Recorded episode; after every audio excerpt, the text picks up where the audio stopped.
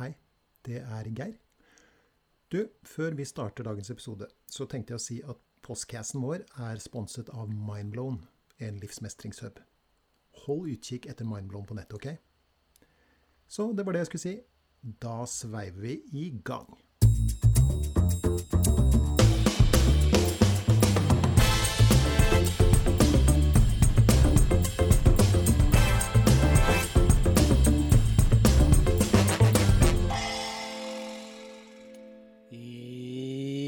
Hjertelig velkommen til nok en episode av podkasten Gi litt mer faen. The Podcast. Nei, Nei, det ble helt feil. The Postcast. Ja, Ja. det var bra. Jeg, jeg, du, du var jo litt som Filmavisen i begynnelsen der. Jeg fant ikke en måte å si The Postcast på en Filmavisen-aktig måte. Så den var litt lei. Ja ja. Nei, velkommen skal du være, kjære lytter. Du verden, har du, si meg en ting, har du hospitert i NRK siden sist? Nei, jeg bare tenkte det var litt sånn variasjon. Ja. Nei, God dag, alle sammen. Dette er de kjekke guttene i Hvordan gi litt med fan-podkast. Det var litt å si der, men jeg, likte det. Jeg likte det. Det er bra. Ja, Men eh, vi er nå i hvert fall i gang det med episode nummer eh, Er det 64? riktig. Dæsken, dette røske. Det er bra. Du er mattegeni blant oss, hører jeg. Ja, nei, jeg klarer å legge sammen 63 da. Ja. Men jeg har jo ikke klart. sånn papirer på skole sånn som du har, vet du. Nei, men eh, det er ikke akkurat matteskole jeg har papirer fra, for å si det sånn. Så, Det er ikke det. nei, Det er mer, så all ære til deg for den. Men du, det har skjedd mye siden sist. Har det det? Ja, har det ikke det? ikke for meg, takk gode gud. Begge Ja. to har fått ny bil. Det er jo Ja, Eller du har fått fått ny, og jeg har fått gammel. Ja, det er nå så, men det er jo ikke mm, kanskje noe som bør være hovedpoeng i denne podkasten, tenker jeg. Men det, det største poenget er kanskje bilen din, da. Som som jo er noe av en perle. Det som er morsomt, er at vi har kjøpt bil totalt i hver sin ende av skalaen. Ja, det kan vi si. Jeg har endelig fått uh, drømmen oppfylt og kjøpt meg en gammel Chevy pickup. Mhm. Silverado. mm. Diesel. Hvor mye brukte den på mila, sa du? Nei, jeg bruker under literen, faktisk. Ja, det gjør det, ja. Ja, og Linda er kjempe... 0,99? Nei, 0,8-0,9. Ja. Fordi jeg har lært av min kjære, elskverdige kollega som kjører Chevrolet Tahoe, en gammel, enda eldre faktisk, at ligger du på 1500-1600 omdreininger, så bruker du, bruker du ikke så mye. Så Linda er kjempefornøyd, for nå ligger jeg aldri over fartsgrensa. ja du, sier det, du sier det som om det er noe nytt? Ja, jeg har alltid ligget sånn 5-10-15 på motorveien for fort. Å ja. Nå, det bare glad du tilla det siste der. Ja, Alltid ligge i 10-15 på motorveien. ja. Det er jo litt sakte. ja nei, men med 40-sone og 30-sone, der har jeg, har jeg alltid prøvd å holde meg nøyaktig på nåla, eller helst litt under. Mm. Fordi det er stedet hvor man skal Det kan skje mye. Men om jeg ligger i 110 eller 115 på motorveien, i 110-sone, der mener de at jeg har ikke vært like nøye til å Der kan det fort gå fem km over. Jeg har vært oppe i syv km over òg, faktisk. Men det var en nedoverbakke. Ja. ja. Følte deg litt gæren akkurat den dagen. Ja. Nei da, så jeg kjører pickup nå, da. Ja. Jeg bor på Hurum med en Chevy pickup. ja, du liksom glir inn mot eh, bondesamfunnet. Blir litt mer sånn hillbilly for hver dag. Ja, det er helt fantastisk. Mm. Så jeg har tatt fram olajakka, og går i caps. Mm. Og så hører jeg naboene synge, for jeg er jo den eneste som har sånn her, at jeg har den fineste Chevyen i dalen. Ikke sant. Så- Ikke sant. Men har du, har du forsøkt deg på litt sånn lett eh, banjoklimpring på litt uh, varme kvelder når sirissene synger? De er ikke kommet ennå, de varme kveldene, så svaret er nei. Nei. Men når de kommer, da, skal du da Nei, men det kan fort være Kommer du da til å drikke Cola Zero fra et sånt syltetøyglass og sånn? Ja, og så skal jeg kalle det Moonshine Light. Ja, ikke sant? Mm. Ja. Ja. Without sugar. Without sugar. Jeg- Nei, men jeg jeg kan fort tenke tenkes at det blir Når du skal kjøre opp og ned til båten og ordne ting med båten, at det er et par høyballer bakpå det planet, så folk kan sitte på, da. Ja, jeg, jeg, jeg får noen sånne litt sånn rare bilder i hodet, skjønner du. Deg i sånn blå snekkerbukser uten T-skjorte under. Eller kanskje med en litt eh, hullete helsetrøye. Så det Men er du bare- villig til å strekke det så langt? Jeg ser ikke noe poeng i det. Nei. nei. Mest av alt fordi jeg syns ikke det er noe behagelig å gå i snekkerbukser. Eller helsetrøye, for den del. Nei, det er eh, Jeg kommer til å kle meg ganske likt, altså. Mm. Men jeg driver jo med mye ting både ved sjøen her og oppe i skauen og villmark, og det er jo bare helt fantastisk å hive alt bak på det planet. Ja, Det er ikke noe som sheriffen der ute hadde interessert seg for, vel? Nei. Nei. nei. Vi snakker ikke ikke- moonshine. Nei, nei, nei. Nei, nei men da er du innafor, tenker jeg. Ja. Også hvis han syns jeg kjøper litt for mange Cola Zero, eller Cola uten sukker, på Kiwien, så får han heller stoppe meg, da. Så skal vi klare å finne en måte å forklare det på. Ja. Og der Men du, hva sånn, skal du Hæ? Der, der fikk jeg noen sånn Smoke in the Bandit-bilder i hodet, men eh, det er vel for gammelt folk som oss antagelig. Jeg gidder ikke å prøve å forklare det engang. Jeg har pussa krum i dag, da. Det skal du vite. Å, sier du det, ja? Ja, ja. ja? Så Og jeg skal også innrømme at med en gang jeg var og henta bilen, så luktet jo Det er jo 99-modell, så jeg er 23 år. Mm. Så det lukter jo ikke helt nyfresh. Det det jeg har ikke vært plaga av sånn nybillukt, det har jeg ikke. Nei. Så da stoppa jeg på Hydro Texacon og kjøpte en Starsen Stripes Wonderbalm som henger fra speilet. Å du himmel og hav. Ja. Ja, Nei, jeg kan ikke vente. Jeg kan ikke vente. Mens de derimot, herr Vigtil, de har gått den andre veien. Ja, jeg, eh, jeg forsøker jo selvfølgelig alltid å ta vare på miljøet. Så, Ja. så jeg har gått til anskaffelse av en, en, en elektrisk, et elektrisk drevet kjøretøy. Ja. Men eh, den lar vi eh, passere i stille, tror jeg. Nei, hvorfor det? Så, nei, altså Det var en eller annen komiker som sa det, jeg tror det var Jonas Kynge Bergland som sa at det finnes uh, forskjellige typer kastrering. Kirurgisk, kjemisk kastrering og elbil. Ja, ja da. Ja da. Ja. Så Det er kanskje derfor vi lar den passere. Men jeg har en, jeg har en dieselbil jeg sverger. Så Nei da. Så, sånn er det med det. Men eh, nok om eh, meg, mer om deg. Eh, du har også vært ute på oppdrag, min kjære venn. det har jeg. Fortell. Det, det var vel Var ikke dette første nå? Første hva? Første april? Først, nei, nei, det var det jo for så vidt ikke det var andre. Men første opptreden etter at det åpna opp igjen. Mhm. Mener du husker det? Så jeg var så heldig i går å eh, ha en halvannen times eh, foredrag slash show, eller showforedrag, for Mentalhelse Nittedal. 140 Mm. fantastiske mennesker der, i alle former og farger. Ja. Eh, og fikk meg nok en gang, jeg skjønte at det var lenge siden, fikk jeg nok en gang en lekse om eh, å ikke skue publikum på håret. Mhm. Jeg trodde ikke dette her skulle fungere, at ikke det var kanskje den type forsamling som jeg kunne eh, opptre for med det, den, det showforedraget. Men det var 140 meget begeistret Ja, kanskje 139, da. Jeg så jo ikke alle, men Men en begeistret forsamling, og fan, vanvittig eh, hyggelig å møte de etterpå til litt sånn ja, litt bilder og blomster og kos, da. Så det var veldig, veldig, veldig stas. Og gøy og rart på en gang. Ok, hva var det som var rart, da? Nei, at det er så lenge siden sist gang. Ja. Ja, ja, ja men hvordan, hvordan opplevdes det for deg? Hva følte du da, som de sier eh, på Sportsrevyen? Nei, hva følte jeg da? Nei, Jeg spør jo vanskelig, men Åssen var det? Nei, det var, eh, det var veldig kult og eh, veldig Jeg vet jeg var ikke meg sjøl i går eh, på dagtid før jeg skulle gjøre den forestillingen. Så det var litt sånn eh, stress, eller hva skal jeg kalle det. Litt sånn høye skuldre også. Var du nervøs, eller? Ja Og så plaget det meg liksom litt at, eh, at eh, det tok så mye av oppmerksomheten min Det gikk liksom Jeg tror jeg gikk og forberedte meg to dager, egentlig.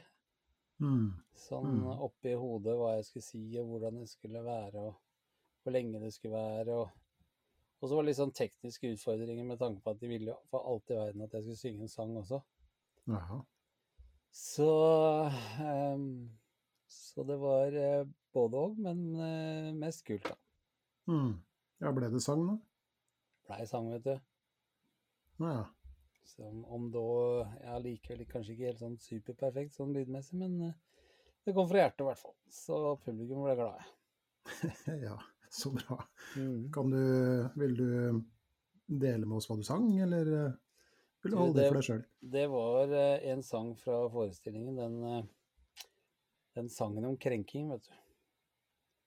Og det skal Og nevne den? navn og sånn, men en sang om en politiker Og en, hvordan en, eh, folk eh, tar på vei.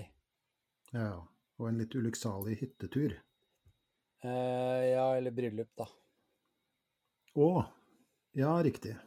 Den Nå er jeg med. Ja. Ja, den, ja riktig. Ok, ja, men Så det jeg var ikke si mer om det, da. Men nei. Det er vann under brua, som vi sier. ja. Bruker ikke noe tid på fortida sånn sett. Nei, nei, nei. Nei. Men det var i hvert fall veldig stas, da. Og, og eh, Mental Helse Nittdal er jo eh, en eh, Hva er det for noe? Er det forening? Er det det? Mm, Ja, mm. forening. Um, som, For mental, mental helse. Ja, som gjør jo en fantastisk jobb for eh, hvermannsen som sliter i hverdagen. Mm. Og at jeg kunne være der og få lov til å bidra, dog for en bitte lite stykke stund, syns jeg var stas, da. Mm. Mhm. Savna du showbiz, eller tenker du at det er det planet her som er ditt plan framover? Nei, det er ikke noe supersavn, det er det ikke. Men jeg syns det er veldig Skal du gjøre mer i foredrag og mer innenfor psykisk helse, mer sånn som du og jeg holder på, Mm. det kan jeg godt gjøre. Det syns jeg hadde vært utrolig kult gjort det enda mer. Mer litt sånn showforedragers, da. Mm. Men jeg Ja, savner ok, ikke så, så Ja, ok, greit. Men hvis du Hvis jeg reformulerer meg, eh, ikke showbiz, for det, skjønner, det vet jeg jo at du Mm. ikke savner, men, men det å stå på en scene da, og formidle et budskap i forskjellige former, liksom, er det, er det noe du da fikk liksom noen tanker om at ja, det kunne jeg kanskje gjort litt mer Ja, framover, eller Det kan jeg godt gjøre. mm. Men jeg behøver heller ikke å stå på en scene. Jeg kan også sitte rundt et bord med masse mennesker og snakke også. Så, Mm. så det behovet for oppmerksomhet, aksept og applaus og sånn, det er, ikke, det er ikke så stort savn at det gjør noe. Det er mer det at uh, kanskje mine opplevelser og de tingene som du og jeg snakker om, og denne podkasten og denne forestillingen skrevet, hvis det kan gjøre at uh, ett eller to mennesker får, uh, får det litt bedre, så gjør jeg det gjerne igjen. Mm. Mm. Ja, så bra. Men da må du bli med. Bli med Ja, da må vi holde foredrag begge to. Nei, nei. Jo, jo, du er jo kjempeflink til det. Nei, nei, det, ja, nei, det må vi ta utafor dette studioet, tror jeg. Det er klart Men vi skal skrive, men vi skal skrive sammen. Det Det skal, skal vi gjøre. Ja. Det skal vi gjøre. Men eh, jeg tror nok at eh, at eh, du leverer budskapet på en Hva skal vi kalle det? Mer allmenn allmen måte enn det jeg er i stand til. Så ja, nei da, men det skal vi snakke eh, mer om. Ja. Nå, Ja, du prøver å ta meg på senga, da tar jeg deg på senga. Det var det greide jo fint, så det var Takk for den. bare hyggelig. Er det noe som har skjedd i ditt liv, da? Nei, eh, takk og pris. Absolutt ikke. Vi, vi eh, Jeg og ikke min kone. Hun jeg er gift med. Nei, ja. Min ektefelle. Turid. Turi, ja, Turid. Mm. Turid. Eh, Du sier ikke Turid. Jo, Gjør du gjør det? det. Du må ikke kalle det for Turi. Jo, så klart. Nei, da, da er det fra Hørum. Men når du er fra utafor Trondheim, da heter du Turid. Ja, Da må du hilse på kameraten min Vegard. Ja, men uansett, da. Vi, eh, vi eh, er jo i en sånn eh, overgangsfase i livet, tenker jeg. Vi driver og venner oss til, til tilværelsen uten eh, Her er straffa for å i det hele tatt henge med deg. Så faen, hvor tar du det fra? Ja, ja, ok. Ja, nei da, det, det går fint.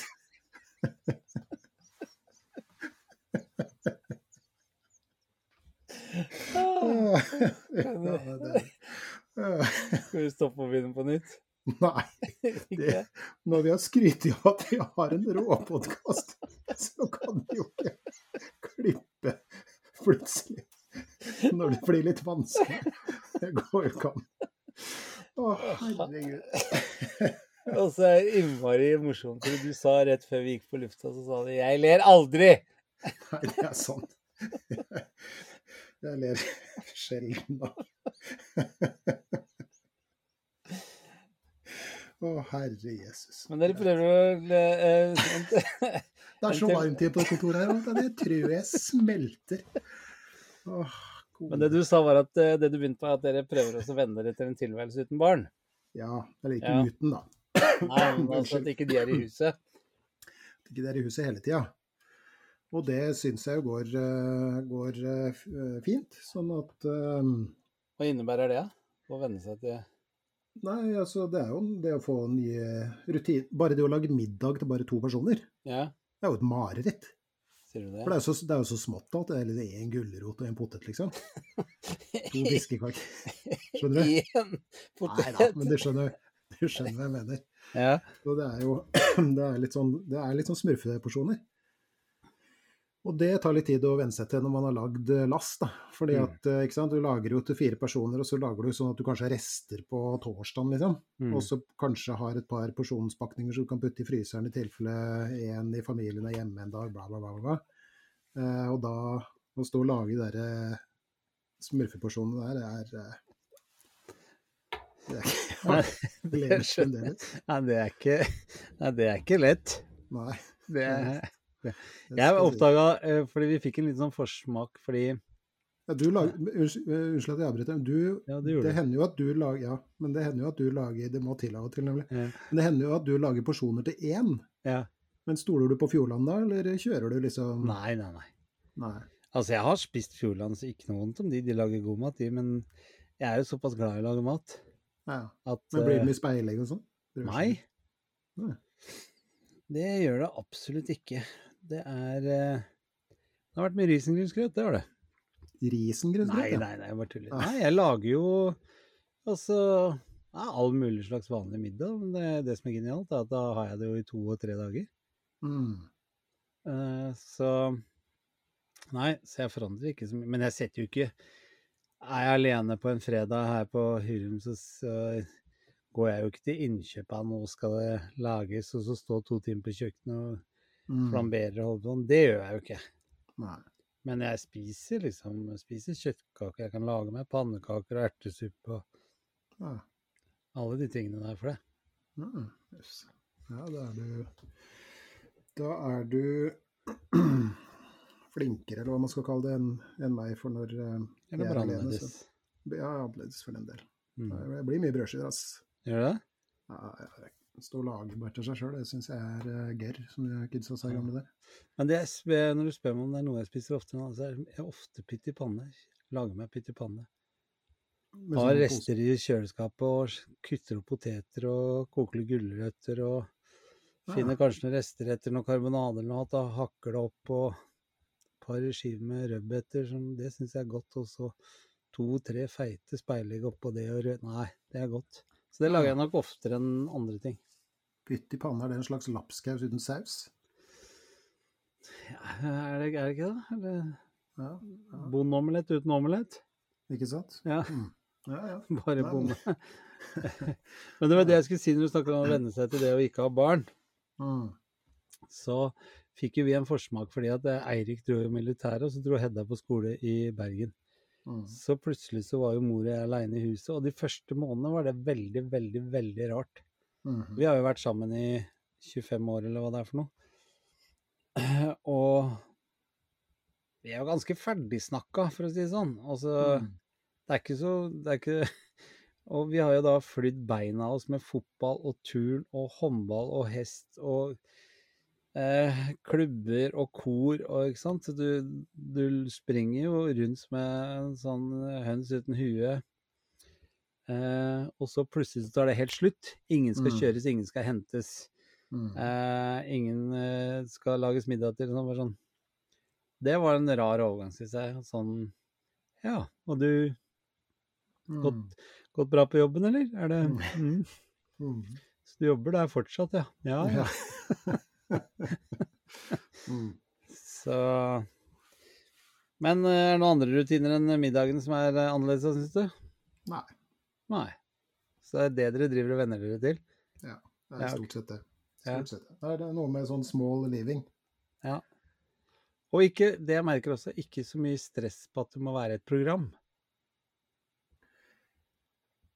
Vi kan, vi kan våkne opp på en søndag, så kan vi f.eks. ligge i senga og så er det sånn Vi skal lufte Kosmo, men det er ikke noe sånn Guri, i dag må vi komme oss ut i skauen, vi må gå på tur, vi må Vi må ingenting. Sånn som når vi sto opp i dag, så trakk vi for gardina, nydelig vær ute. Nei, skulle vi dratt og besøkt dem en tur, da? Skulle vi tatt eh, og kjøpt oss noe der? Skulle vi gjort det? Ja, vi stikker innom plantasjen og kjøper en blomst, og sier vi hei til de for en brus. Vi har farta litt rundt i dag med Chevyen. Mm. Mm. Så sånn sett så er det jo sånne ting er litt lettere. Skremt vettet av Lillestrøm, eller eh, blitt tatt godt Nei, nei, på nei, nei, nei, nei, Vi har holdt oss her nede ute av det der bymonsteret. Mm. Så vi har vært eh, Hvor har vi vært i dag? Vi har vært nede på Larkollen utafor Moss. Og så har vi vært og besøkt noen i Moss. Mm. Og så har jeg vært og pussa felger. Riktig. Og så har vi hogd ned eh, Vi har et sånt gigasvært morelltre her som tar all sola, så vi har liksom beskjært det. Ok. Jøss. Så det er jo spennende. Nei, men du vet at jeg er jo gift med Vegard. Så, og, og Vegard har, har um, ofte planer og et, eh, et slags program å by på, så det er aldri kjedelig sånn sett, det skal sies. Så ja da. Nei da. Vi slipper ikke opp for ting å, å gjøre læll. Men, eh, Nei, men det er bra. jo, men vi snakker jo ofte om, eh, om overganger og livsfaser og opp- og nedturer og sånt noe. og, og, og dette med at barna da begynner å få seg egne liv og sånt, nå er jo en overgang. Ja. Eh, og ja, som antagelig går mer smertefritt for noen enn andre og sånt. Jeg syns jo det har gått, eh, gått relativt eh, smertefritt, jeg, da. Ja, jo, forresten. Fredag så, herregud. Fredag så var vi jo inne hos min yngste sønn Eirik. Ok. Og da gikk han ned på kne for sin kjære. Å, du verden. Og hvilken dato? Tenk å forlove seg og be om hånden hennes på 1. april. Mm. Det var jo ingen som trodde på det, selv da. Når han kommer inn. Jeg hadde snakka til henne og advart henne som det kan tenkes at ikke hun tar det. Så Ja. Trodde ikke noe på det til å begynne med, eller? ikke i begynnelsen, nei. Gjorde ikke det, nei. nei. Kynisk dame. Nei, men hun, var, hun har jo, sånn jeg har forstått det, eh, stilltiende hatt et ønske om dette over en stund, da. Mm. Eh, de har jo vært sammen i snart seks år, Mm. så Så jeg tror nok det var at hun var bare litt eh, ikke Hun var redd for at hun ikke skulle begynne å juble for tidlig. Og så, Ja. Men det hadde vært det, det mener jeg, det hadde kanskje vært eh, over streken aprilspøk. Jeg syns jo det. Jeg eh, Ja, fy fader, da Det er blitt jeg, jeg, er jo ikke dame, men eh, for henne, da, så har han endelig gått ned på kne. Nei, kødda, det er 1. april. sant. Er det ikke sikkert det hadde blitt så mange flere uker sammen? Det hadde muligens lagt en demper på det hele, det skal sies. Ja, ja. Nei, men det var bra at hun eh, skjønte at han mente alvor til slutt, ja. Men du, nok om oss. Har vi fått noe elektrisk, elektroniske post i det siste? Ja, det har vi som uh, alltid, og etter uh, kanskje um, GLMFs uh, lengste innledning noensinne, så kan det være greit å, å, å starte, tenker jeg. Eh, Vi holder jo, som eh, mange vet, på med denne serien om, om eh, Jordan Peterson, og, og gå gjennom det og prate om det og sånn, men så, så får vi jo eh, e-poster, da, og, og, av og til så er det med forslag, og av og til er de jo forslagene også så gode at vi tenker at da bryter vi av den regulære sendingen, og så går vi en slags ekstrasending på den, og det har jo skjedd eh, Ja. denne gangen. Så, her har vi Så i dag skal vi ikke snakke om Jordan Peterson bok. vi skal ikke snakke om Jordan Peterson i dag, eh, men vi skal snakke om et annet uh, tema. Og til tross for våre latterkramper osv. i begynnelsen her nå, så, så er dette ja, et eh, både vanskelig og sårt tema det også, som de fleste temaer som har uh, med sånne ting å gjøre. da. Mm. Men jeg har da fått lov av denne personen å lese opp e-posten i en omarbeidet og anonymisert versjon, og den høres sånn cirka sånn ut. Hei, jeg hører på podkasten deres med stor interesse. Jeg liker godt det metakognitive perspektivet dere har, og har stor nytte av å prøve det ut. Har blitt mer bevisst på at tanker bare er tanker, og at det ikke alltid trengs å ta på uh, alvor. Jeg lurer på om dere kan eller vil snakke om hvordan man kan komme seg etter å ha vært i et forhold preget av psykisk vold. Hvordan kan man jobbe best med seg selv for å bli hel og reparert ved hjelp av metakognitiv terapi? Hvordan lære seg å stole på andre igjen? Hvordan frigjøre seg emosjonelt fra ekspartner på best mulig måte? Med vennlig hilsen. Anonym, da.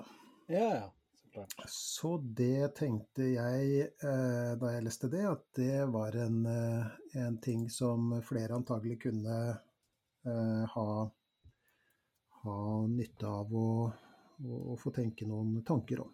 Ja, for det har vi ikke diskutert i noen av de andre episodene sånn spesifikt om dette her. Nei, vi har ikke det. Ikke spesifikt. Men, men alt som altså, For det satt jeg og tenkte på. Jeg satt og tenkte liksom Oi, åssen skal, skal vi få løst det her? Eh, og, og alltid når det er litt sånn Mye av det andre vi snakker om, ikke sant. Mm. Altså nedstendthet og uro, bekymring, grubling, overtenking, metakognitiv terapi, bla, bla, bla. Alt det der sånn. Det, det, det kan vi jo snakke om ganske sånn eh, hva skal vi si, uanstrengt, eller hva man skal kalle det. Eh, Men så kommer det av og til noen temaer som, som krever litt sånn ekstra research, og det å sette seg litt, ting, litt inn i ting, og det å tenke litt ekstra gjennom det. Og det har jo en, eh, en veldig sånn verdi i seg selv, tenker jeg, da. Absolutt. Eh, Men det har jeg gjort uh, gjort uh, denne Og så er det jo en ting til òg, syns jeg. jeg synes, kanskje jeg som tenker litt rart, men det er litt sånn tillitserklæring, tenker jeg, at folk sender inn disse temaforslagene. Og uh, gir oss den muligheten til å kunne snakke om ting som er viktig for de. Mm, mm. Ja, det er jo veldig ålreit. Og det som er så ålreit også, da, og som var noe av poenget mitt nå, det er det at, at det meste av altså det, er, det er jo ikke Det er heldigvis ikke alle som har vært utsatt for f.eks. som i dette tilfellet, psykisk vold. Nei, Men det er alltid noe å lære av alt som har med menneskelige relasjoner å gjøre. Ja, menneskelige relasjoner, menneskelige tanker, menneskelige følelser, menneskelige opplevelser, menneskelige fenomener. Da. Og det her er eh, en av dem. mm. Eh, Og det jeg tenkte, var jo også at psykisk vold, liksom, ja, hva er det? Og så begynte å lese definisjoner, og, og jeg har jo for så vidt en definisjon her, vi kan alltids lese opp den, men, men det jeg også tenkte Hva var er at definisjonen på det? Jo, det er, det er eh, Bufdir, da, som jeg Mm. jo spurte deg om før vi trykka på record-knappen. at Hva står det for? Og det viste seg at det var ikke så veldig vanskelig. Men det har med ungdom og familie og sånn å gjøre. Ja. og det direktoratet som, eh, som styrer med det.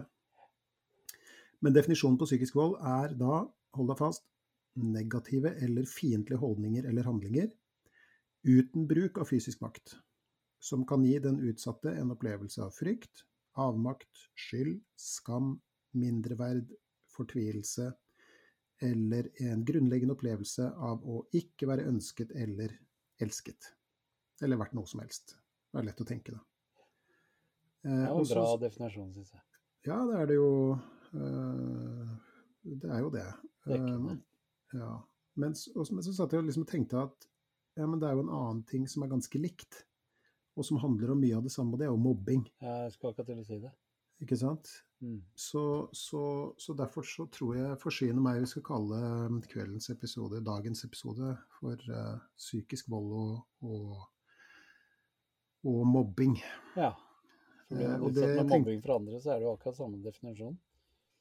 Ja, det er, det, er, det, er, det er kanskje ikke samme definisjon. for Jeg kikka på den definisjonen også, den var litt mer sånn vassen, syns jeg, enn det Bufdir har, har fått til her. Men, men da er det jo ofte altså Når man tenker på mobbing, så tenker man det Eller det ser ut til at man definerer det ofte i forbindelse med skole og sånn. Ja. ikke sant? Men så kan det jo også være mobbing på arbeidsplassen, Mm. ikke sant? Um, og, og psykisk vold f.eks. i et forhold eller mellom foreldre og barn og, og Mm. sånt. Og det, det har jo litt av de samme komponentene i seg. Da. Ja. Jeg skjønner hva du mener. Enig. Um, og så tenkte jeg også på sagt så satt jeg liksom og spekulerte litt på, eh, på det her. Så begynte jeg å tenke hjernevask. Mhm. Liksom, hva er det for noe? Ikke sant? Det er en slags sånn uh, psykisk vold, uh, tenkte jeg da. Og så begynte jeg å lese om hjernevask. Og ok, så her er et, uh, pussy, en pussig greie. Det finnes masse ja, materiale på internett, selvfølgelig. Ikke sant? Det er jo tjåka av alt mulig rart, men og også om hjernevask. Og det er en hel haug med sider som besynderlig nok handler om slik. Hjernevasker du folk? Ja. Og så tenkte jeg det var jo litt merkelig, men lenger nede på sida så kommer det alltid sånn Dette er eksempler, dette skal du ikke gjøre, gjøre osv. Mm. Men det som, det som, da jeg liksom satt og leste om denne hjernevasken, da, mm. Så handla, handla, det ofte om at man liksom eh, manipulerer andre gjennom eh, å straffe dem, gjennom f.eks. tilbaketrekking, avvisning, eh, taushet. Mm. Ikke sant? Og det er jo mye av det som folk som da har opplevd psykisk vold og mobbing, mm. også rapporterer at de, at de liksom uh, har uh, blitt utsatt for. Da. Mm. Og det som er så snedig, er at det er antagelig like effektivt, eller, eller, kanskje til og med enda mer effektivt, enn en utskjelling og, og nedrakking og, og, og, hva heter det? At du ja, sier liksom stygge ting. Mm. Men at man manipulerer den andre, på en måte. Utskjelling. Utskjelling. Mm. Um, så det her er jo åpenbart et, eh, et, et ja, hva skal vi kalle det, et temaområde som har veldig mye som overlapp. Mm. Um, OK, så en ting som eh, jeg har tenkt på mange ganger i, i mitt liv uh, mm -hmm. Både når jeg har ut For alle har vi jo mest sannsynligvis utøvet dette selv i en eller annen grad, eller annen, at man sier stygge ting til andre mennesker eller mener andre ting. Eh, og så angrer man seg med en gang etterpå, da, fordi at man sier det kanskje man er sint eller blitt provosert eller man er redd, ikke sant? Mm. Mens forskjellen her er jo når det kommer til mobbing, og ikke minst dette med psykisk vold i relasjoner, så er det jo repeterende. Det er noe som pågår lenge, mm. ikke sant? Så da kan man ikke lenger lene seg tilbake og si 'sorry, jeg var, jeg var så sint den gangen'. Nei, men, men, på den annen side så er det jo antagelig også noen som, som kjører den greia, da. fordi at man ser jo f.eks. ved fysisk vold, la oss si et parforhold, da. Så er det ofte en del av taktikken. Det her med å gå over grensa, og så unnskylde seg etterpå. Og si at jeg blir, jeg, jeg, jeg blir så sjalu Altså, jo, men, men er, ja, men det er det jeg mener. Da gjør du det flere ganger. Det skjer ja, ikke ja, én gang i en eksplosjon. Nei, nei, liksom. nei. Nei ikke sant. Så, og det som da jeg har tenkt ofte, fordi jeg har jo også så klart blitt utsatt for dette uh, av mange personer jeg har møtt opp gjennom livet også. Mm -hmm. Men det jeg kom til når jeg har blitt litt eldre og klokere, så tenker jeg sånn Folk som gjør sånn mot andre mennesker, har i utgangspunktet ikke det godt sjøl. Mm. Så uh, Uh, jeg tenker Jo, men, jo, men hei, vent nå litt. La meg stoppe deg litt. Grann. Det, det Unnskyld. Det er litt uh, Henger igjen litt, det der forkjølelsesgreiene. Ja. Um, de har det i utgangspunktet ikke godt sjøl, sier du. Men det finnes jo Nei, godt med seg sjøl. Mm. Men, men, det finnes jo også de som på et vis har det godt med seg sjøl fordi at de tenker at det er ikke noe galt med dem. Det er aldri noe galt med dem. Det er, det er alltid noe galt med alle andre. Mm, og de har det jo på Nei, men ikke sant. De, de, har jo det på en måte helt greit med seg sjøl, for de er, sola skinner ut av rumpa på dem, liksom. Så der er det ikke noe gærent. Syke. Ja, det skal sies. Da er det jo ikke noe godt. Mm. Det vil jo sikkert vise seg på mange andre ting. Du, du, du plages jo. Eh, en eller annen måte så er det jo en plage. Og selv de som mener at de aldri gjør noe galt, kommer jo til når det er liksom den ellevte samboeren du har siden mai. Mm. Skjønner at uh, Men som, som, igjen, da, med bare gjenta, så er det jo um, folk som er syke, folk som har masse traume selv, folk som har utrolig lavt selvbilde selv, så er det mye lettere å begynne å peke på andre ikke sant, for å prøve å få det bedre sjøl, men jeg Jeg tror i hvert fall av Unnskyld. Av um, normale i anførselstegn mennesker som gjør de tingene mot andre, så er det fordi at de sliter med et eller annet big time sjøl. Mm. Og i hvert fall de jeg har kryss, som har krysset min vei og vært sånn, har det jo kommet for en dag seinere at de sliter med et eller annet. Mm. Det, Eh, det, jo, det, det kan man jo tenke er en slags forklaring, da. Men, men, men tenker du da at det er en unnskyldning også, eller tenker du ikke Overhodet ikke. Overhodet ikke en unnskyldning. Nei. For meg i mitt liv så er det stor forskjell på forklaring og å unnskylde det. Mm. For jeg mener at uh, vi er alle uh, til syvende og sist ansvarlige for oss selv. Mm. Sånn at uh, um, hvis jeg ser at, menneske, at mennesker rundt meg får det vondt pga. sånn jeg oppfører meg, Mm. så må jeg på et eller annet tidspunkt forhåpentligvis ta rev i seilene og, og gjøre noe med det, da. Mm. tenker jeg. Så, så, så jeg tenker det at um, Sånn som denne som har skrevet denne mailen, um, så Fordi sånne personer er jo ofte, som du sier, også veldig flinke til å få andre til å føle skyld for det. Mm. Ikke sant? Det er det samme med, med folk som blir utsatt for fysisk vold i forhold. Liksom. Så, ja, hadde du bare vaska opp, så hadde jeg sluppet å slått deg, liksom. Mm. Eh, og, og begynner å unnskylde. Fordi man ønsker jo i lengst mulig grad, størst mulig grad, så ønsker man jo at det skal ta slutt. Mm. Og man leiter jo desperat etter forklaringer, og etter hvert så kommer dette her inn i en ond sirkel, man blir mer usikker. Eh, og det her Det er jo ære være vedkommende at man har kommet seg ut av det. Mm. Forhåpentligvis, da. Ja. Eh, siden du nevner det som X og sånn, så regner jeg med at vedkommende har kommet seg ut av det. Mm. Eh, så er det jo et kjempereparasjonsarbeid for deg sjøl sikkert etterpå. Mm.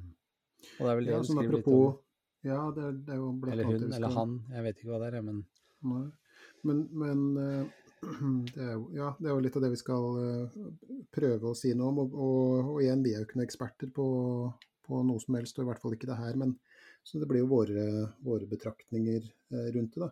Men, men det er liksom som du sier, da, så alle kan jo si f.eks. i kampens hete eller i litt sånn opphissa stemning eh, slenge ut av seg et eller annet, enten det er til, en, til et barn eller til en kollega eller til en, en, eh, en partner.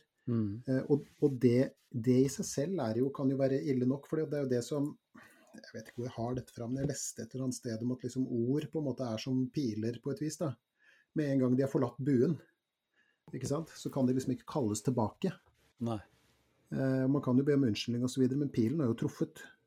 Eh, og, og den som er ramma av den pila, kan jo selvfølgelig trekke den ut og, og si at ja, ja, greit, du traff meg bare i skuldra, så lar det gå for denne gangen, på en måte.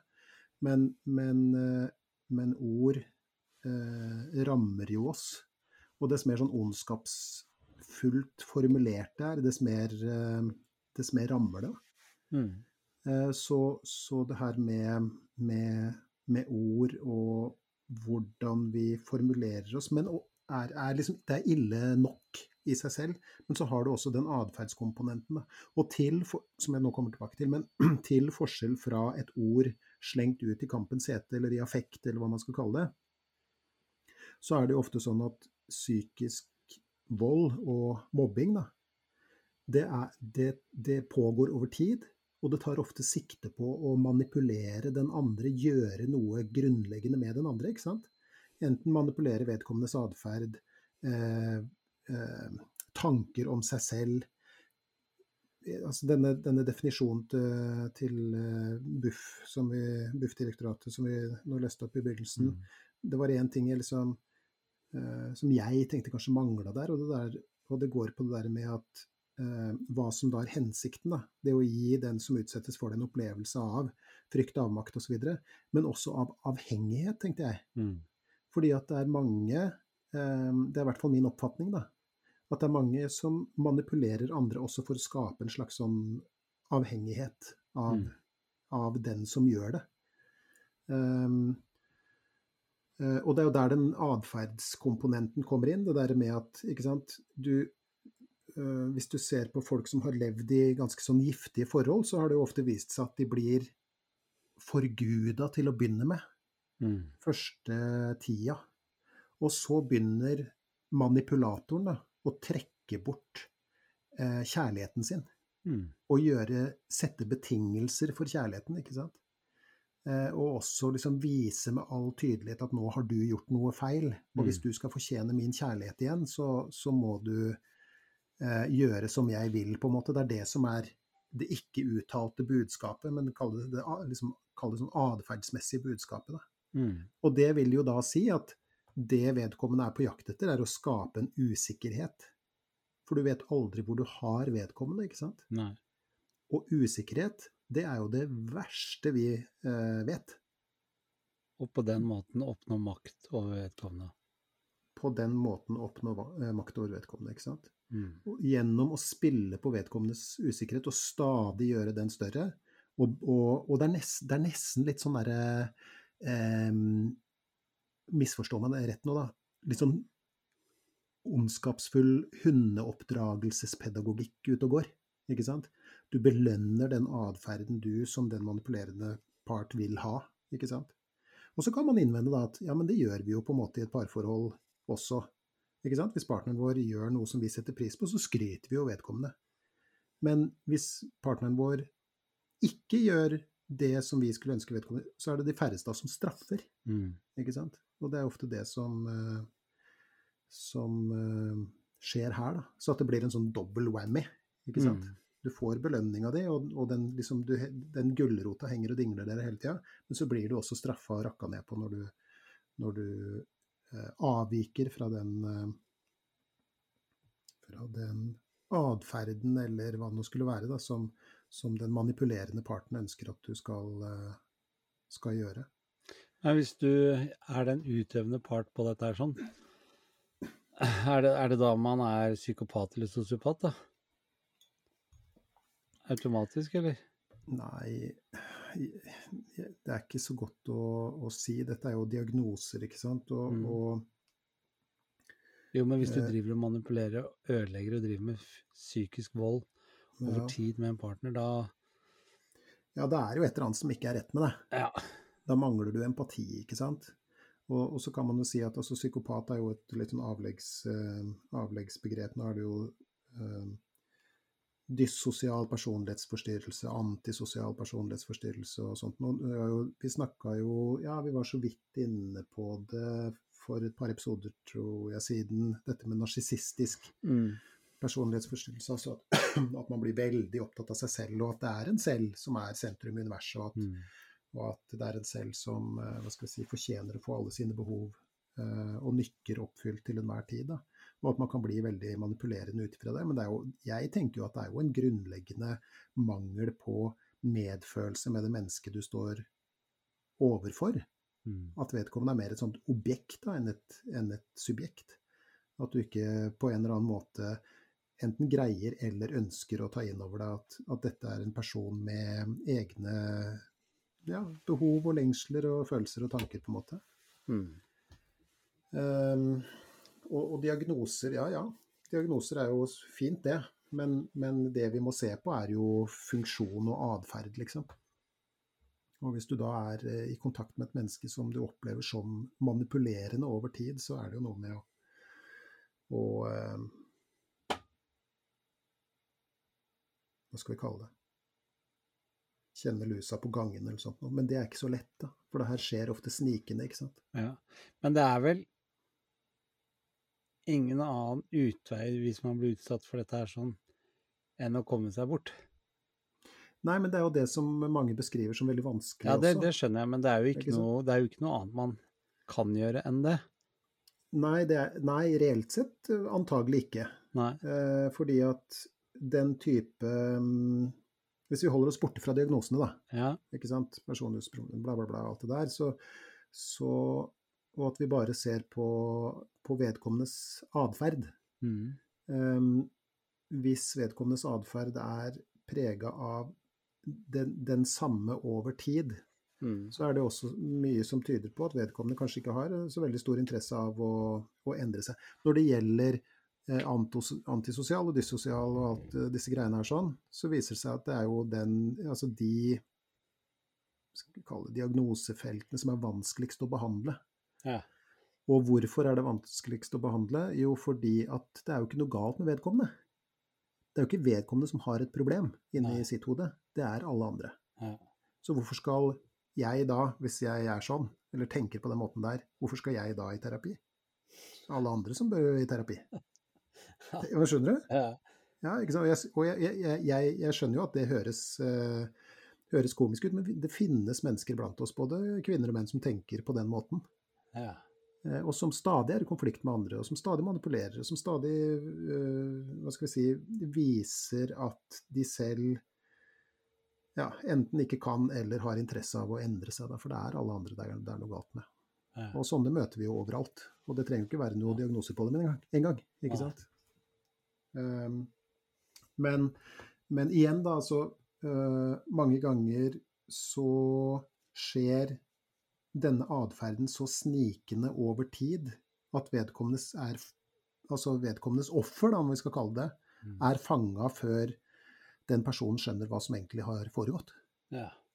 Det er litt sånn derre Altså, den beste måten å overskride andres grenser på, da, det er å overskride grensene og så trekke seg litt tilbake og si unnskyld, f.eks.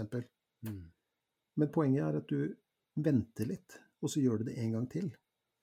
Og neste gang er kanskje vedkommendes toleranse for, for det her, da. Altså toleranse i, i, i reell forstand, ikke sånn at de tolererer det, det er ikke det, jeg mener, men, men, da er vedkommendes grense strukket lite grann. Så går du over grensa en gang til, og så trekker du det tilbake. Så ber du kanskje om unnskyldning, da, for syns skyld. Så venter du.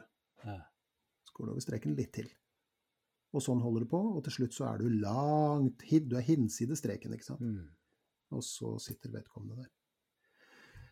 Men for å begynne å, å forsøke, i hvert fall, eller ja, etter vår, eh, vår fattige evne, å, å besvare de spørsmålene som kommer fram i, i e-posten, så, så kan vi jo starte med det første. Hvordan komme seg etter å ha vært i et forhold preget av psykisk vold.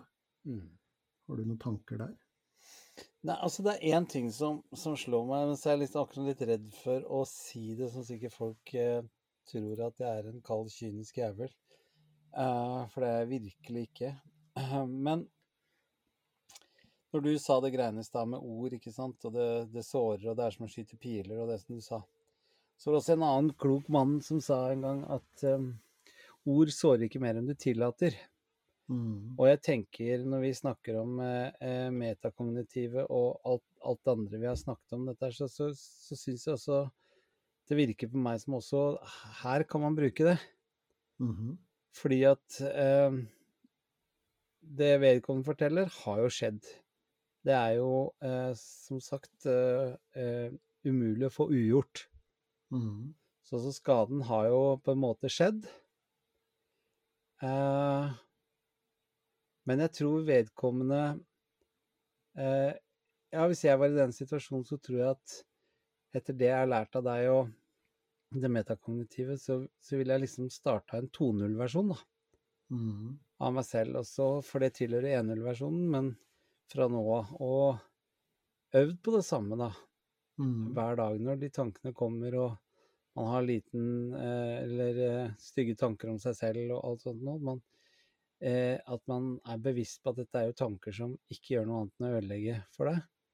Og derav ikke fortjener noe annet enn en date et kvarter på kvelden. Mm, mm. Maks. Mhm. Så jeg tenker jo at, eh, at det vil også funke i dette tilfellet her. Fordi Ja, okay. det er viktig at denne vedkommende øver på å se at dette er ikke vedkommende sin skyld. Mhm. Det er ikke vedkommende som har gjort noe galt, det er jo den andre som gjør dette, som har problemet. Mm. Um, så tror jeg på det å øve seg på å komme ut av den offer eh, Altså at man oppfatter det altså- Altså at man dyrker den offerbiten med seg selv på det. Mm. Det tenker jeg eh, er sikkert hensiktsmessig. Eh, og igjen da bare understreke at jeg er ikke noe kald kynisk og sier at dette her er bare å gjøre. Jeg er Mhm. fullstendig klar over hvor ekstremt mye jobbing som må til, og har full forståelse for at vedkommende kjenner akkurat det vedkommende kjenner.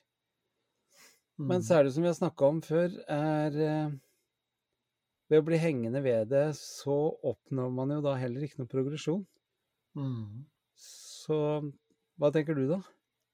Nei, jeg, ehm, jeg støtter jo mye av det du eh, sier, og vi kommer for så vidt tilbake til det også. Mm -hmm. uh, men, men det er det du sa innledningsvis uh, altså Engelskmennene har jo har et uttrykk som heter 'sticks and stones may break my bones, but words can never hurt me'. ikke sant? Mm. Og det er sånn der hvis noen slenger noe etter deg på gata, eller sier noe i et sinna øyeblikk eller noe sånt, ikke sant? Så, så Mm. kan man tenke at liksom, nei, men det skal jeg la prelle av. Men i dette tilfellet, da, altså Mm. dette som går på psykisk vold og mobbing over tid, Mm. eh, og, og særlig hvis du står overfor en mestermanipulator, da, Mm. ikke sant? Et slags sånn ø, psykologisk rovdyr, en Mm. psykologisk parasitt på et vis, så, så er det litt annerledes. Fordi at disse folka er ofte flinke til å over tid identifisere de punktene hos deg som er aller, aller, aller sårest. Mm. Ikke sant? Så de finner fram til dine Altså det du kanskje i dine verste mareritt er redd for skal være sant om deg selv, f.eks. Mm. Og det er de veldig gode på å snuse opp, og så begynner de å manipulere deg på det området og, og, og, eh, og få deg til å tro eh, både det ene og andre om deg sjøl, Og det forstår jeg. ikke sant? Mm. Um, uh, og, Og jeg mener ikke at man i den situasjonen skal bare Nei, nei, men ord kan ikke såre Nei, nei, nei. Han, nei han eller hun må det, det, det skjønte Men jeg jeg tenker også. i at du ikke mente. reparasjonsarbeidet, da. Ja, ja, ja. At man sakte, men sikkert begynner å øve seg sjøl på at dette stemmer jo ikke, de tingene som er blitt sagt igjen. Mm. er jo Mm, bare en syk person eller en eh, som sliter sjøl, mm, som har sagt. Det har jo ikke noe rot i virkeligheten i hele tatt. At man Mm. øver på den biten. mm, Sånn at eh, Fordi selve ordene som vedkommende har sagt, da Hvis en annen person hadde sagt det på en annen måte, eller annen tonefall, og sånne ting, så ville det kanskje hatt en annen virkning. Så at man ikke Mm. henger seg opp i eh, mm, Ja, han sa at jeg var feit hele tiden. mm, Eh. At det ikke er det ordet man For da Da vil jo alt assosieres, da, med det ordet. mm, mm. Det er litt sånn som. Ja, ikke sant. Men, også, men så er det jo også sånn at ting som gjentas til stadighet, ikke sant, det blir eh, Det, det, det siver liksom inn til slutt, da. Mm. Det var jo Jeg tror det var han Goebbels, ja, eh, propagandaministeren i Nazi-Tyskland, som sa at hvis du gjentar en løgn ofte nok, så blir det en sannhet. Mm. Eh, Og det gjelder jo i det tilfellet her eh, også. Men, eh, men svaret ditt favner for så vidt over, over alle spørsmålene som, som stilles. Jeg tenkte jeg skulle gå litt gjennom det i, i, i sånn detalj på et vis. da. Ja. For jeg, jeg satt jo også og, og, og tenkte litt altså, hvordan i huleste skal man komme seg etter, etter å ha vært i et forhold preget av psykisk vold, som vedkommende jo spør om i, i sin e-post. Og det første som slo meg, da, var at trinn én, på en måte, da, må jo bli å anerkjenne at det er det man har vært eller er utsatt for. Mm. Ikke sant? Fordi at hvis man skal gjøre noe med et problem, så må man jo først identifisere problemet. Mm. Og det er jo, dette er jo en sånn gradvis uh, greie. Uh, og, og det er jo ikke ja, Det gjelder jo faktisk både fysisk og psykisk vold. Ikke sant? Ja, det går en stund for, liksom. Ja, ikke sant? Det går en Mm. stund før man tar inn over seg at liksom, Mm. ja, men det her er jo ikke, ikke sant? Det, her er, det er jo ikke sånn det skal være. Nei. Det her er jo ikke riktig, på en måte. Så, så jeg, jeg ville sagt trinn én, anerkjenne at det er det man er utsatt for. Mm. Trinn to, komme seg bort, sånn som du sa. Mm. Og der har vi jo heldigvis massive hjelpeinstanser. ikke sant? Altså Hvis Mm. det er mer sånn eh, akutte ting, så er det jo politi som Mm. er eh, greia. Men vi har jo krisesentre, vi har familievernkontor. altså Det er da utallige aktører som kan hjelpe på det feltet der. Og så får man eh, være så håpe at man, at man er så heldig at man fremdeles har et nettverk rundt seg, venner, familie og sånt. Og det er jo det som også ofte er eh, taktikken til en mestermanipulator. Da. Det er jo å, å manipulere vedkommende bort fra alt som er av venner og familie. Mm. ikke sant? Så til slutt så sitter du der helt isolert. Du har Mm. mista kontakten med alle, og du er i hans eller hennes uh, hule hånd. Ja. Eh, og, men hvis det nå da er sånn at man har anerkjent at det er det som pågår, man kommer seg bort på en eller annen måte, eh, helst så langt bort som mulig selvfølgelig, så er det da trinn tre. Og det er det du også var litt sånn inne på. Det er, og da er det jo med, med å starte, i mangel av et bedre ord, tilhelingen, da. Mm. Ikke sant? Sår gror jo, Mm. heldigvis. Men, men arrene har vi liksom i varierende grad med oss gjennom eh, livet, noe som for så vidt også eh, spiller inn i Eller hva skal vi kalle det Gir ekko inn i neste, neste spørsmål som vedkommende stiller. Men, men jeg tenker jo at det er veldig sånn individuelt hvordan man har det i ettertid. Mm. Altså hvor lenge de mer sånn Kall det eh, akutte reaksjonene vedvarer. Ikke sant? Altså hvor, hvor lang tid man, man bruker på å Og at sårene i det minste får litt sånn sårskorpe, da. Mm. Men du sa noe som jeg syns er veldig bra. Okay. Eh, spesi spesielt bra, vil jeg si. Og, og det er også noe jeg snakker med eh, mine klienter om, som f.eks.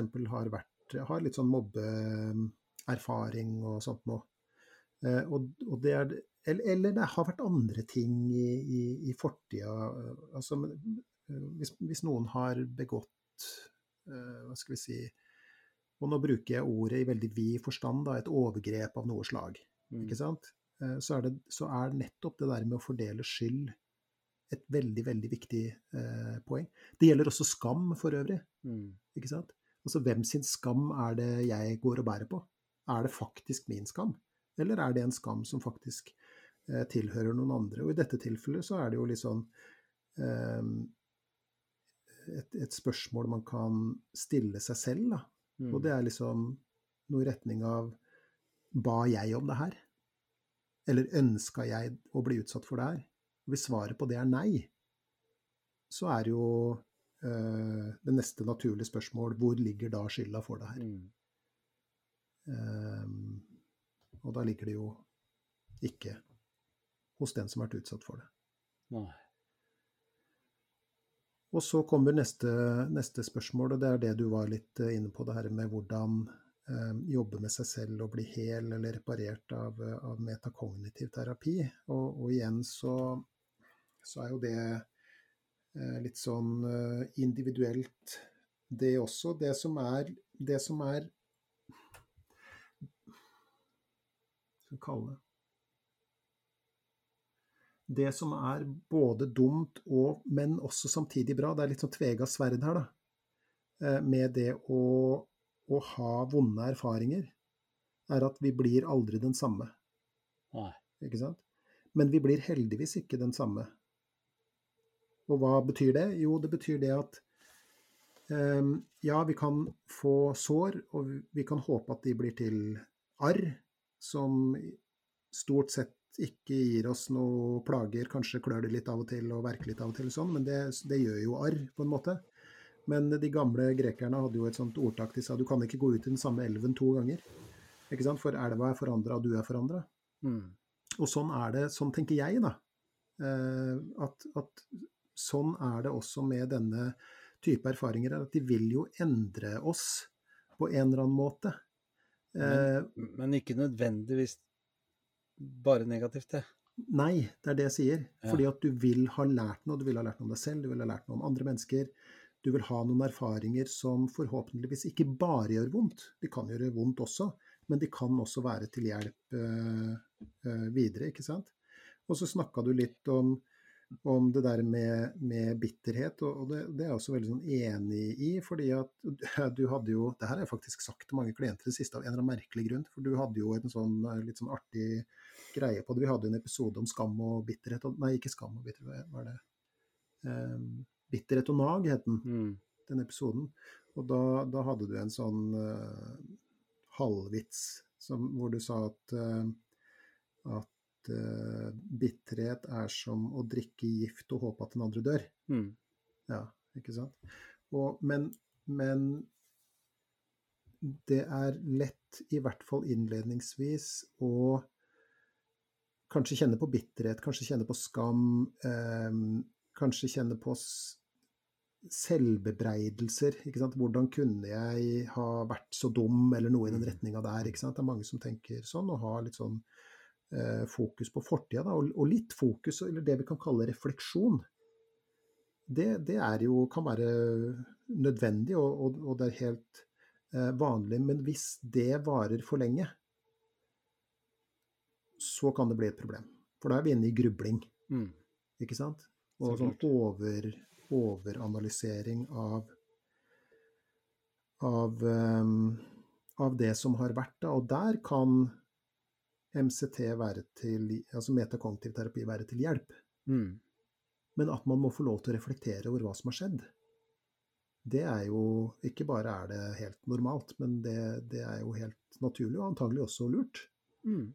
Men hvis man er i sånn reflekteringsmodus i, over så lang tid at, at man liksom bare går i, i ring og, og, tenker på det samme hele tida, og det plager en sånn at det går utover uh, måten man fungerer på, mm. Så kan man få hjelp til det.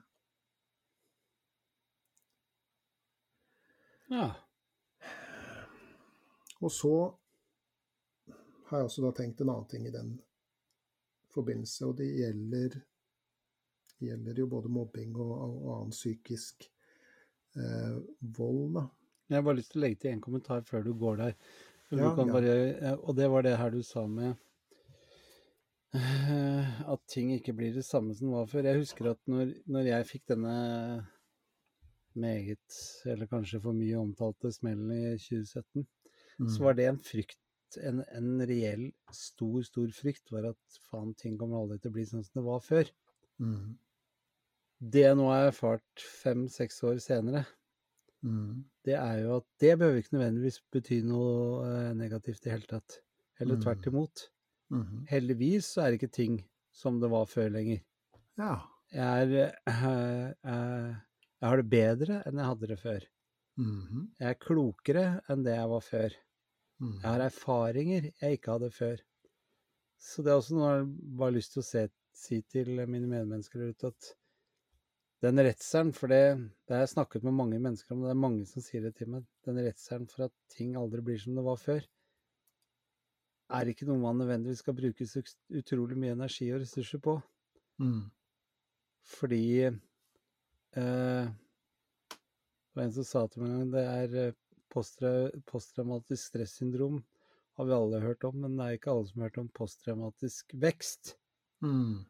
Og det er faktisk et begrep. Ja, og det vil jeg si at det, i mitt tilfelle, så var det jo faktisk det. Mm. Nå skulle jeg ønske at jeg hadde skjønt ting før og handla før og sånn, så jeg kunne sluppet den verste smerten og sånn. Mm. Men jeg er også sikker på at det er noe av årsaken til at jeg er der jeg er i dag. Så til, til vedkommende som har sendt denne mailen, ikke la den frykten lamme deg, at ikke ting blir som det var før. Heller tvert imot. Mm. Embrace it. Mm. Som vi sier på, på, nynorsk. Det der er jeg veldig, veldig, veldig glad for at du sier, og jeg syns det var veldig klokt eh, sagt. Takk. Um, fordi at her det er, det er, mange av de som jeg snakker med, som, som er redd for det. Mm. At man ikke skal bli som før. Så ofte så er det jo fordi man er oppe i en krise og har symptomer, og mm. kroppen fungerer dårlig, hodet fungerer dårligere, og man føler seg verre og alle disse tingene her. Mm. Og det, det, mange ofte gjør, unnskyld, er min erfaring, det er det at de sammenligner seg med den tidligere versjonen. Før situasjonen oppstår. Før situasjonen oppstår. Mm. ikke sant? Og så, og så speiler de seg i det, og så ser de at alt er ikke som det var. Og så, og så, begynner de å strebe etter at de skal på en måte tilbake til mm. det de var, da. Mm. Og det har jeg ofte liksom eh, Det har jeg ofte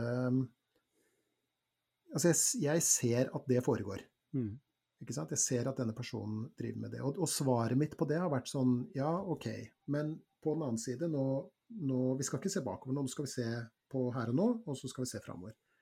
Men det du nå sier, Mm. Det er faktisk noe jeg skal ta med videre, for det var, eh, det var veldig klokt sagt. Ja, fordi at, fordi at um, det handler om at du, du kan Du verken kan eller skal, eller helst heller ikke vil, bli som du var før. Nei. For det var det som førte deg inn i det, kanskje. Mm. Ikke sant? Nå snakker jeg på generelt grunnlag, ikke bare om det her, altså. Nei, nei. Ehm, og, og at du, når du um, har Hva skal vi si Er igjennom de strykene i den elva, da, så kommer du ut i litt sånn smulere farvann, og så, og så har du nye erfaringer, du har ny lærdom, du har ny kunnskap osv. Så, videre. så det, det syns jeg var veldig eh, Og ikke, og ikke bare det heller, fordi at hvis du, hvis du snakker med en person som ikke har opplevd en situasjon, for å bare liksom gjøre det litt enkelt Hvis du snakker med en person som da de siste fem årene ikke har hatt noe forandring og ikke opplevd noen situasjon eller kommet ut for noe eller sånt noe, og ber den vedkommende å sammenligne seg med hvordan det var for fem år siden, så vil det heller ikke være det samme. Mm. Sånn at eh, Men det grunnen til at vi har den frykten og den redselen, er jo fordi at sånn som vi var før, så husker vi at da var det bare trygt og godt, og det var ikke noen symptomer eller noe som helst. Mm.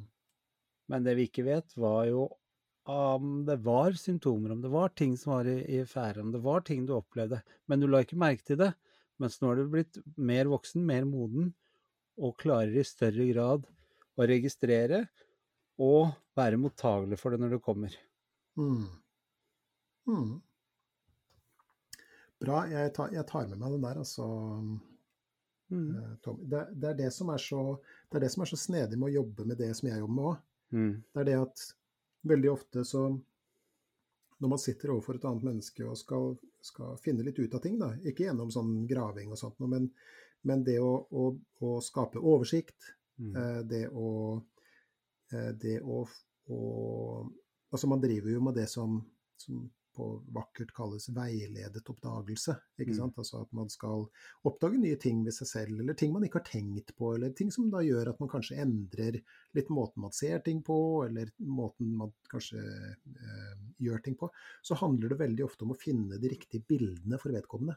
Altså det som en metafor, f.eks., Mm. Mm. ikke sant? eller en måte å si ting på som, som gjør at liksom, vedkommende liksom klikker litt på plass i huet. Altså, å ja men, ja, men det hørtes jo Mm. fornuftig ut, eller ja, sånn tenker jeg også, eller det der kjenner jeg igjen, eller det bildet der syns jeg er veldig godt fordi at jeg relaterer det til det og det.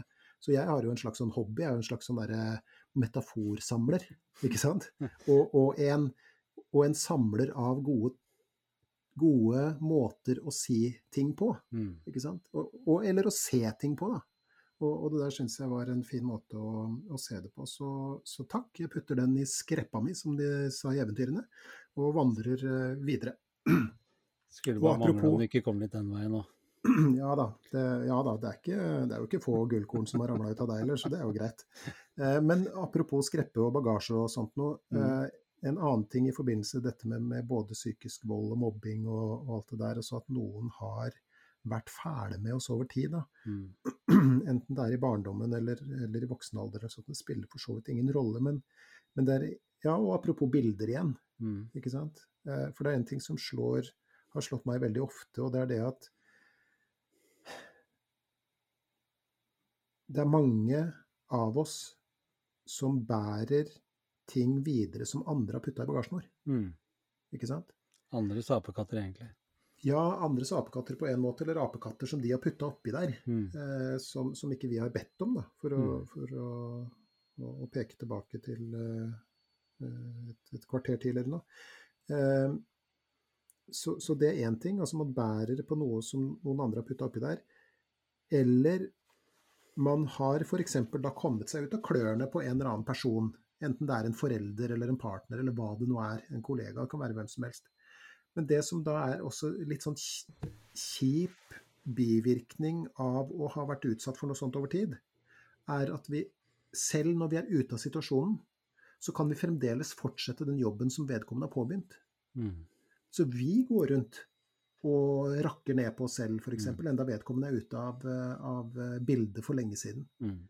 Eh, Så det er mange som går rundt med å misforstå med rett nå da andre stemme i hodet, da. Mm. Eller, eller inni seg, eller hva man skal kalle det. Og det er jo også et sånt Altså Vi snakka om et sånt kontrollspørsmål i stad. Altså ba jeg om det her? Mm. Var dette noe jeg ønska? Hvis svaret er nei, OK, da, Da, da, da, skal, skal ikke jeg bære på skylden og skammen for det her. Her er et annet sånn kontrollspørsmål, eller kall det et refleksjonsspørsmål. da. Mm. Hvem sin stemme hører jeg inne med? Er det min, eller er det denne, ja, kall det i mangel av et bedre ord, overgriperen? Mm. Ikke sant? Eh, setter jeg pris på den stemmen, eller er den til hinder for meg? Mm. Eh, kan, og her kommer liksom også det her med metakognitiv terapien igjen, da. Jeg forkorter det til MCT nå, nå skjønner alle hva Mm. det er for noe. Eh, fordi at MCT har Der har man muligheten til å kunne lære seg, hvis man går rundt med en annen stemme inni seg, som nå fortsetter den jobben som en gang ble påbegynt, Mm. så har man nå muligheten til å enten å lytte mindre til den, eller tillegge den mindre vekt enn det man kanskje gjør i dag. Da. Mm. Ta mindre hensyn eh, til den stemmen, gi den mindre oppmerksomhet. Mm. For det er oppmerksomhet man jobber med i, i metakognitiv eh, terapi. Og det kan en god MCT-terapeut eh, eh, hjelpe deg med. Og så er spørsmålet, for det er et sånt eh, Kall det noen, noen ord som jeg hang meg litt opp i, dette med å bli hel og reparert igjen. Mm. Og det har vi jo nå snakka om, eh, og du ga, ga disse, disse gode bildene. Hvis hel og reparert betyr det å bli som før, så, så kan man kanskje ikke det. Mm. Men, eh, men kan man bli, igjen bli en ålreit versjon av seg selv? Ja. Absolutt, ikke sant? Og kanskje til og med bedre. Kanskje til og med bedre. Mm. Klokere, ikke sant? Og så er det når du snakker om ganske sånn artig digresjon, fordi en tidligere kollega av meg fra TV som heter Kjetil Hasselberg, som mange først og fremst kjenner som en komiker, han er også en, en veldig skolert og fin gutt, og han har drevet og holdt mye sånne mobbe... Jeg vet ikke om jeg kan si mobbekurs, men han har reist rundt på skoler og, og snakket mye med folk om mobbing, og det har han forsket mye på. Mhm. Og en liten sånn artig eh, sidegreie på det er at eh, mobbeoffer og mobbere I norske fengsler i dag så finnes det nesten ingen mobbeofre, Mhm. men veldig mange mobbere. Mhm. Sånn at eh, det forskningen viser, er at folk som blir utsatt for mobbing, eh, i stor grad kommer seg videre og klarer seg bra. Det er Mhm. så klart ikke for å si at mobbing ikke er noe farlig eller noe sånt noe, Mm. men det er, det er, eh, det er ganske store muligheter for at det er lys i enden av tunnelen er sånn. Mm. Eh, og ja, jeg, jeg kjenner meg jo Jeg har jo vært utsatt for mobbing, og det har sikkert du også i en eller annen form. Og, eh, men jeg ser jo disse tragiske, tragiske historiene med folk som blir mobba så mye at de til slutt ikke orker lenger. Mm. Eh, og det er jo helt for jævlig at det, at det skjer. Men eh, Men i hvert fall, han sa det at det er større sjanse for at det går bra med mobbeofre enn at det går bra med mobbere. Ja, ja. Og det er jo det, er- det bekreftes jo av annen forskning, faktisk. Og når du sier det der, så så kommer jeg på Skal vi se, hva het den, da? Eh, jo, jeg mener at det er fra en bok som heter 'Therapy Culture', altså terapikultur. Jeg tror ikke den er oversatt til norsk, eh, dessverre, men det er av en engelsk sosiolog som heter eh, Frank Furedi. Skrives rett fram. Veldig bra. Kom du på det nå? Ja. Det er ikke noe du har notert og gjort klart, eller? Nei. Det er ganske sprøtt. Nei, det er ikke noe sprøtt i det hele tatt. Det er som du kommer på en vits, det, er ikke noe annerledes. Ja, ok. Ja, okay. fortsett. Så, ok, så Frank Fredi Furedi han har skrevet denne boka, da, 'Therapy Culture', og han refererer til masse forskning på en veldig ålreit måte. Da. Det er ikke noe sånn tørr bok, det der. altså Den er eh, ekstremt eh, bra, synes jeg. Men der skriver han bl.a. om det begrepet som vi kaller for selvfølelse. Mm. Og i skoler over hele Vesten så, så jobber man med barns selvfølelse, for det er så utrolig viktig at barn har god selvfølelse. Mm. Én, det er ikke noe som heter selvfølelse, egentlig. Altså, det er måten vi ser oss selv på. Men du kan altså, du kan ikke isolere selvfølelse som et målbart psykologisk fenomen. Nei. Noe som da betyr at det etter all sannsynlighet ikke eksisterer i den formen vi snakker om det. Mm. Eh, men, men det eksisterer mer i form av at det handler om hva vi tenker, tror og mener om oss selv, eh, og måten vi oppfører oss på eh, ut ifra dette, da. Mm. Ok, det til side. Men man har jo da lata som om selvfølelse eksisterer, og så har man eh, kartlagt eh, hva skal vi si, mm, kjennetegn ved folk som rapporterer å ha god selvfølelse. Og barn og tenåringer med, god, med selvrapportert god såkalt selvfølelse, de drikker mer, de bryter regler mer, de mobber mer, de kjører fortere, osv. osv. Sånn at eh, det å da skulle på død og liv gi alle barn eh, såkalt god selvfølelse, det er nødvendigvis heller ikke noe god idé, sier Frank Furedi. Verdt å lese der, altså. Så bra. Bra. Hvordan lære seg å stole på andre igjen? Hva tenker du?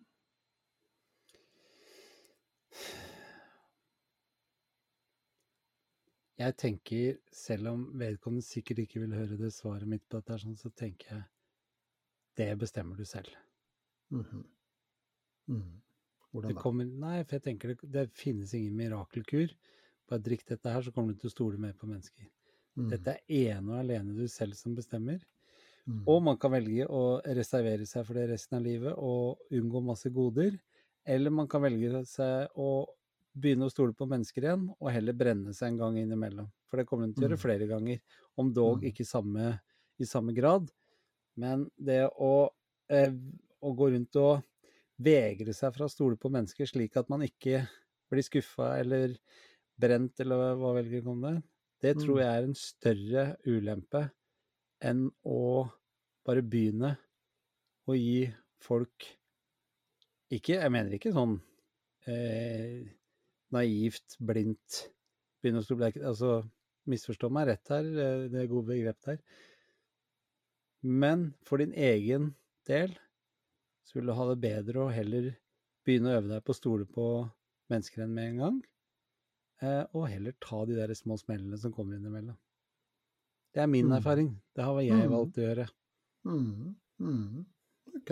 Ja, men et, eh, et godt og nedpå råd der, tenker jeg. Jeg er jo, jeg er jo eh, enig med deg. Så tenker jeg at For det, han, det er litt sånn som du Eller som, vi, som jeg liksom hører mellom linjene da, på det du sier. Det handler jo ikke om et enten-eller her. At man enten stoler blindt på noen, eller at man skyr folk totalt, liksom. Mm. Men, men du brukte begrepet brent. Da. Det er akkurat det jeg også som dukka opp i hodet mitt da jeg satt og, og reflekterte over det her eh, eh, mens jeg eh, skrev eh, ja, Kall det manus da, til denne episoden her sånn. Brent barn skyr ilden, ikke sant. Mm. Og det er jo det er ikke rart. Og, og kanskje er man litt sånn ekstra altså når, no, når man har vært utsatt for noe ubehagelig, tenker jeg da, så, så er man kanskje ekstra skvetten. Man er mer på vakt, man er mer i beredskap mot f.eks. samme trekk og tegn og signaler eh, som man, på, på det man har vært utsatt for. ikke sant? Mm. Og det tenker jeg jo er helt normalt, og det skulle bare mangle. Eh, men faren er jo at det blir en slags overberedskap, litt Mm. sånn som du sier. Det er litt som soldater i fredstid. altså Vi har hørt om f.eks. amerikanske soldater, da, som, det har også vært norske FN-soldater for den del, Um, som har kommet tilbake um, til sitt fredelige land. Og så fremdeles ser etter snikskyttere på taket, og, og de, de skvetter ekstra hvis de hører et eh, smell fra en eksospott. ikke sant? Jeg hørte Mm. bl.a. om en norsk FN-soldat som kom hjem og, og snekra opp hønsenetting foran vinduet, sånn at ingen skulle kunne kaste håndgranater inn i soverommet hans. Ikke Ja. sant? Men det er jo veldig få som gjør det i Norge, heldigvis, da. Ja, lite Eh, utbredt. vil, ja, ikke sant. Men, eh, men han ville sikre seg litt sånn eh, eh, ekstra der. Og, og det vi ofte gjør, det er både kognitiv og metakognitiv terapi for så vidt også, men hvis, hvis man har noen som, som uh, har vært utsatt for noe som er litt sånn uh, ekstra, da, så Én ting er at man øver på å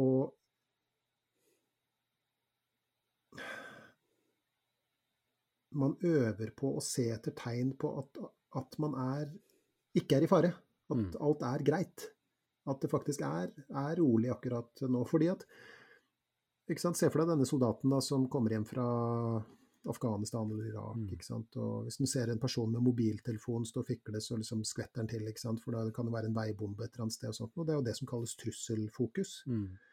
Og, og trusselfokus kan jo bli et veldig sånn hinder for oss også. Og trusselfokus er jo, er jo et av de mest sentrale begrepene i, i metakognitiv terapi. altså på samme, på samme linje som dette oppmerksomhetsbegrepet. For, for dette er trusselfokusert oppmerksomhet. Mm. Eh, og der kan jo eh, eh, MCT eh, hjelpe fordi at det er, det er en av de tingene man jobber aller mest med. Da.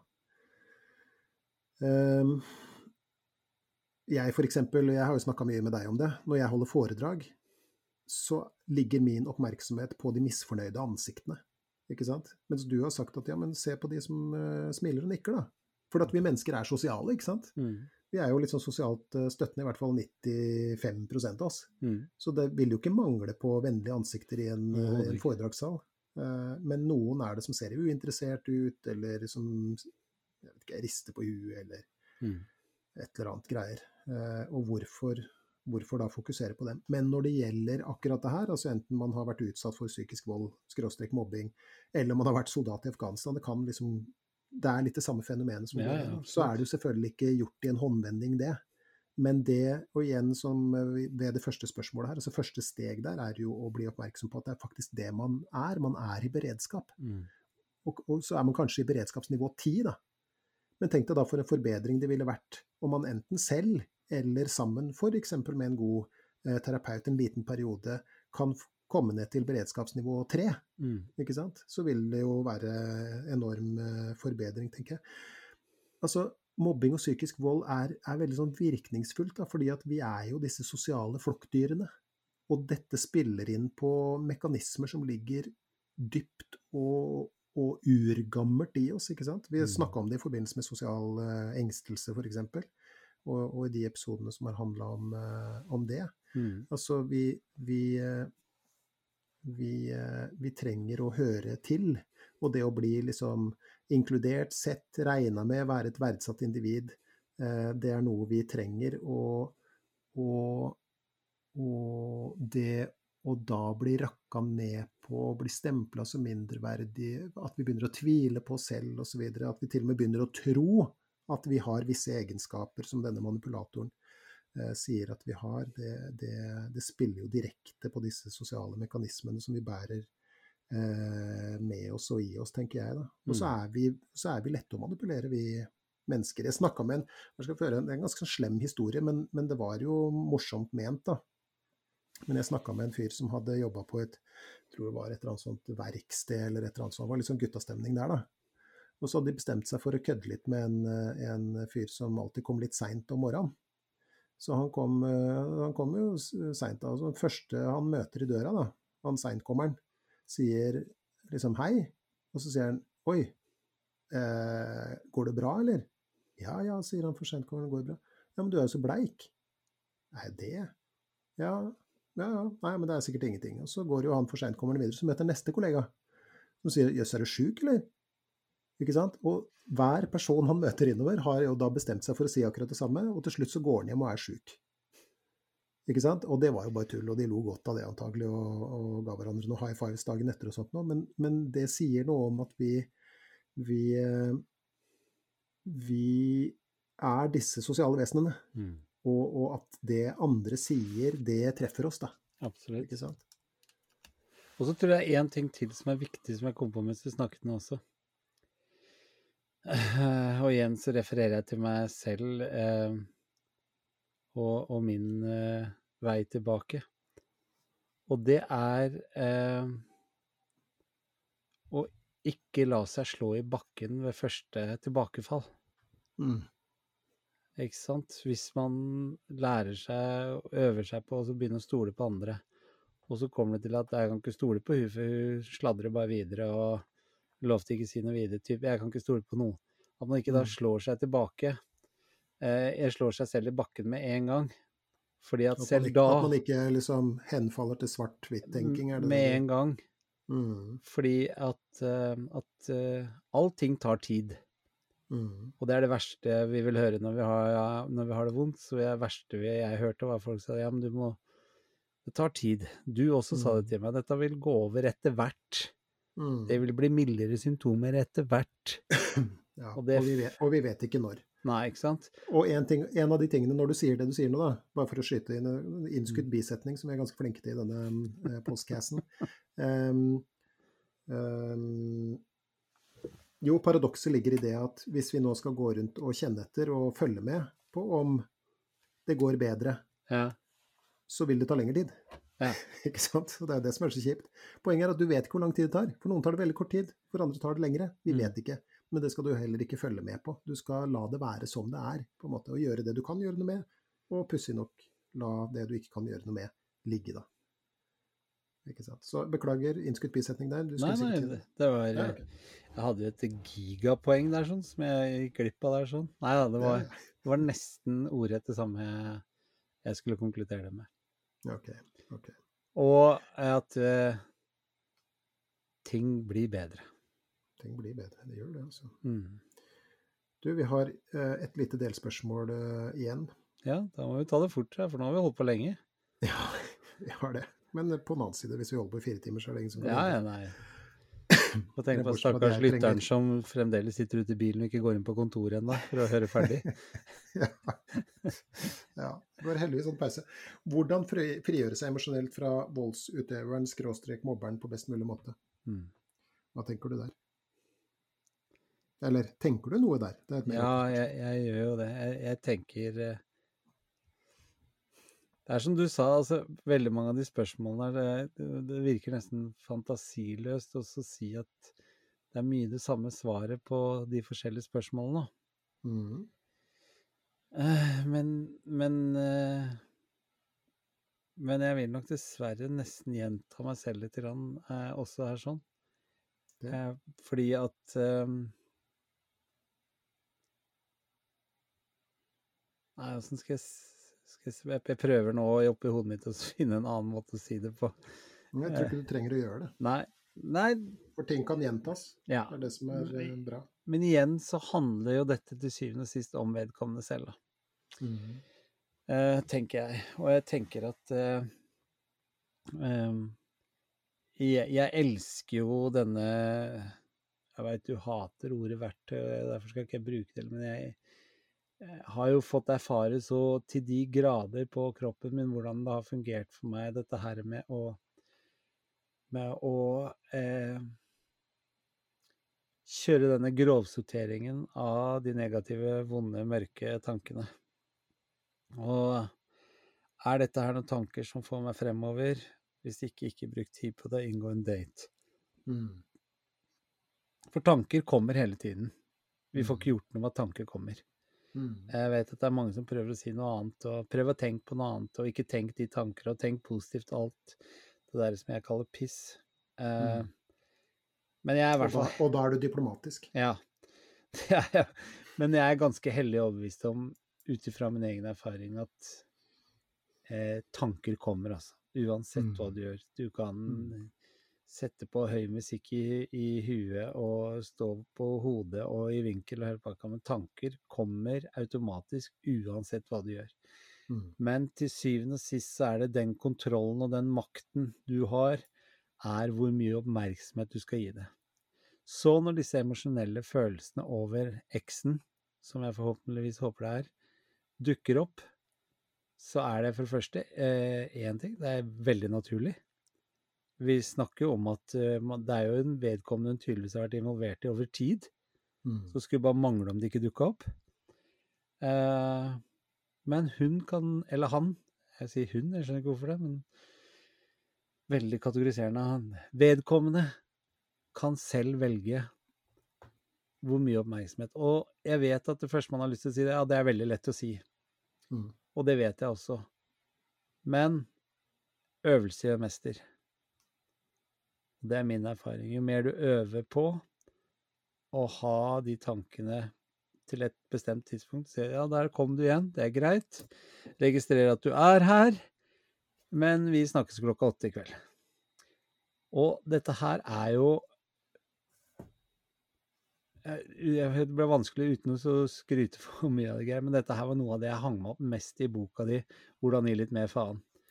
Eh, som eh, Hvis det er noen av dere som ikke har fått tak i den, folk, så bare send oss en mail, så skal vi sørge for at vi får Nå blir du rød, ser jeg. Nei, men jeg mener at jeg mener det er noe av de, de, de, tingene som skjedde med meg den natta jeg satt og leste boka di for første gang. Så var det akkurat de, her, de tingene. Og du gjentok det for meg når vi møttes også. Og det har vært en av de store suksessfaktorene for at jeg har eh, kommet meg mye bedre enn jeg hadde det før. Reklame der, altså der legger vi på fiolinmusikk. Nei, men det var pent, uh, pent sagt. Ok, så da, så jeg, jeg, støtter deg 100 i det. Og, det er jo det som er så Det er det som er det kjipe egentlig med å snakke om disse tingene også, fordi at det er, så, det er så lett å tenke Ja, men OK, lett for deg å si, liksom. Eh, men det handler om eh, en du, du, nevnte det med verktøy. Mm.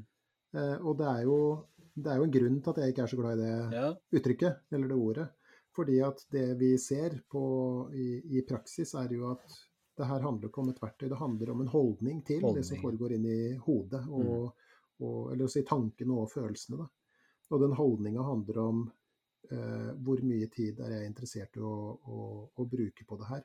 Altså, og, og, oversatt på en måte i, i relasjon til spørsmålet som vedkommende stiller. da hvordan frigjøre seg fra, emosjonelt fra voldsutøveren, mobberen, på best mulig måte. Så, si, så, svarer jo du også at ja, nei, men det er jo antagelig ikke så Det er ikke gjort en håndvending.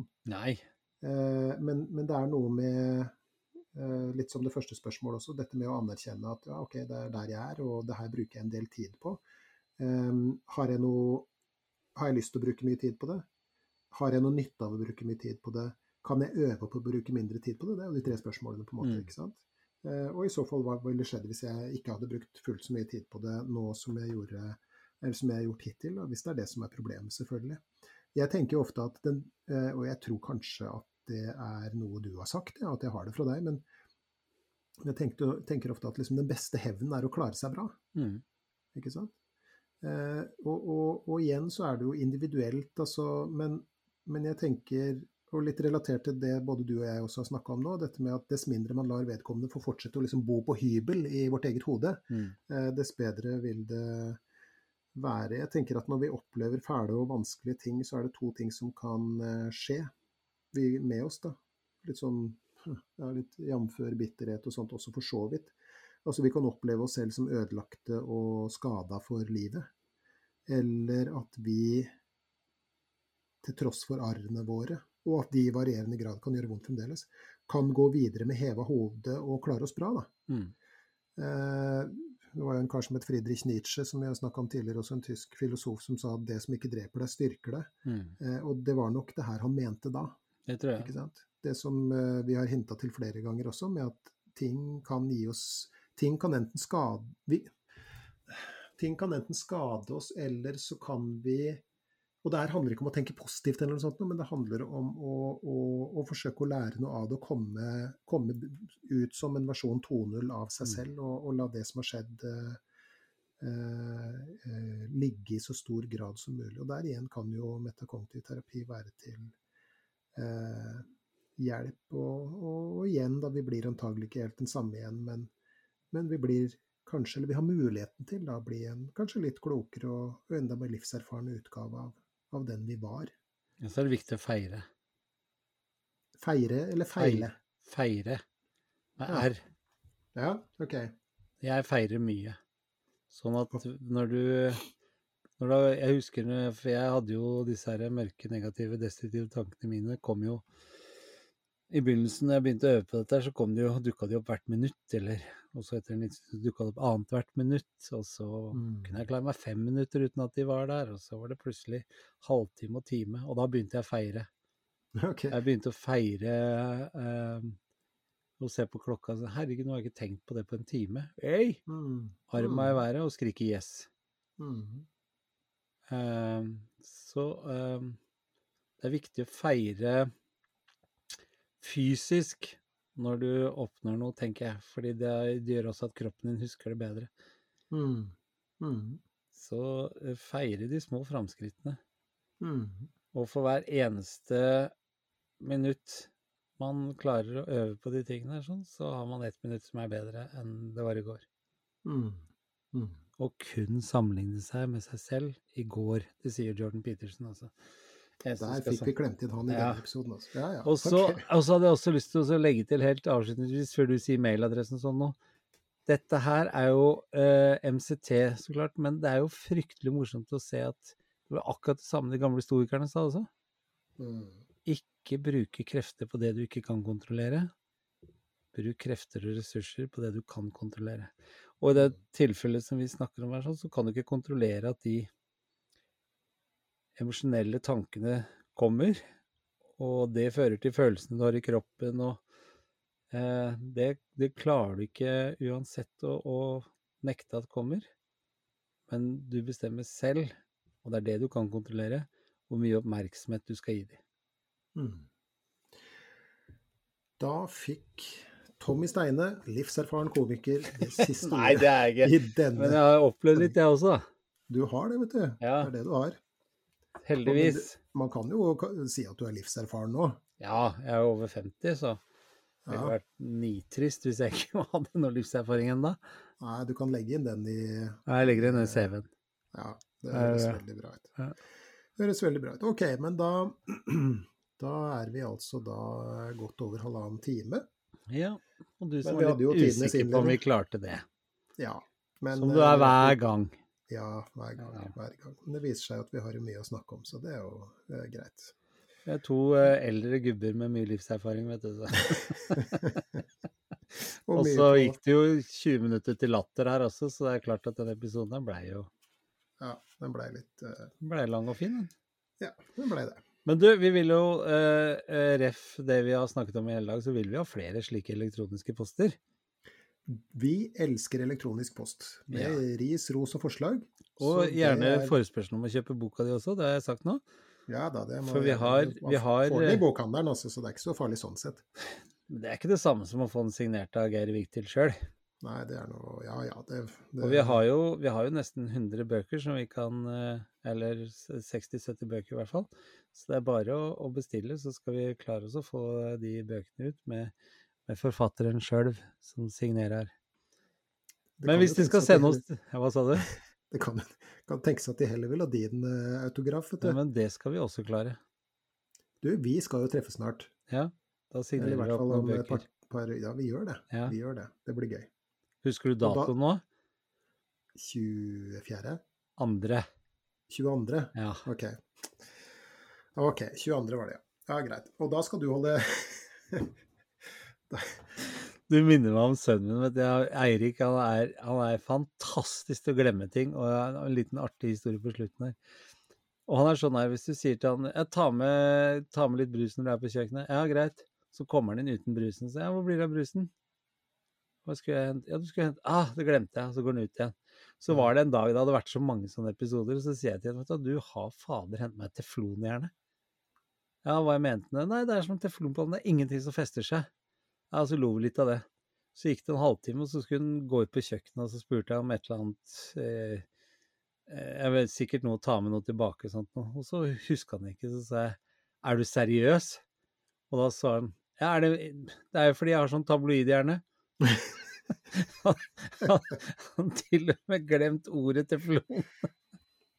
Da er det dårlig stelt. Ja, men hvis de skal sende oss denne mailen med enten eh, bokkjøp eller eh, ris og ros, eller ikke minst det her at de kan komme med forslag til tema, hvor skal du sende den, Geir? Jeg skulle bare kommentere din historie med å si at Vegard eh, antagelig, antagelig ville sagt at jeg også har tabloidhjerne. Men ja, ok. Eh, ris, ros, forslag osv. Eh, det skal de da sende til vår elektroniske brevpostkasse. Men jeg vil også tillegge at hvis det, hvis det sitter noen der ute som ennå ikke har trykket abonner eller følg eller hva Ja, det står på disse viktig si. podkastene, det, er- det vil vi gjerne at du gjør. Altså, gjør. Vær så snill, gjør oss den tjenesten. Det koster jo ikke en krone, bare et bitte lite tastetrykk. Mm. Eh, Men det hjelper også å vises i, i podkastjungelen der ute. Send eh, elektroniske brev til gi litt mer f at gmail.com. Gi litt mer f i ett ord. Vårull.com. Du mente våruld. Vårulld, ja. Ja, det gjorde jeg. Så det. Nei, men Da er vi i mål, Geir. Tusen takk for en eh, deilig, artig søndagskveld igjen. Takk det samme, Tommy. Vi snakkes om ikke så brått. Det er vel, var vel den 25., eller? 22. OK. Ha det. Ha det.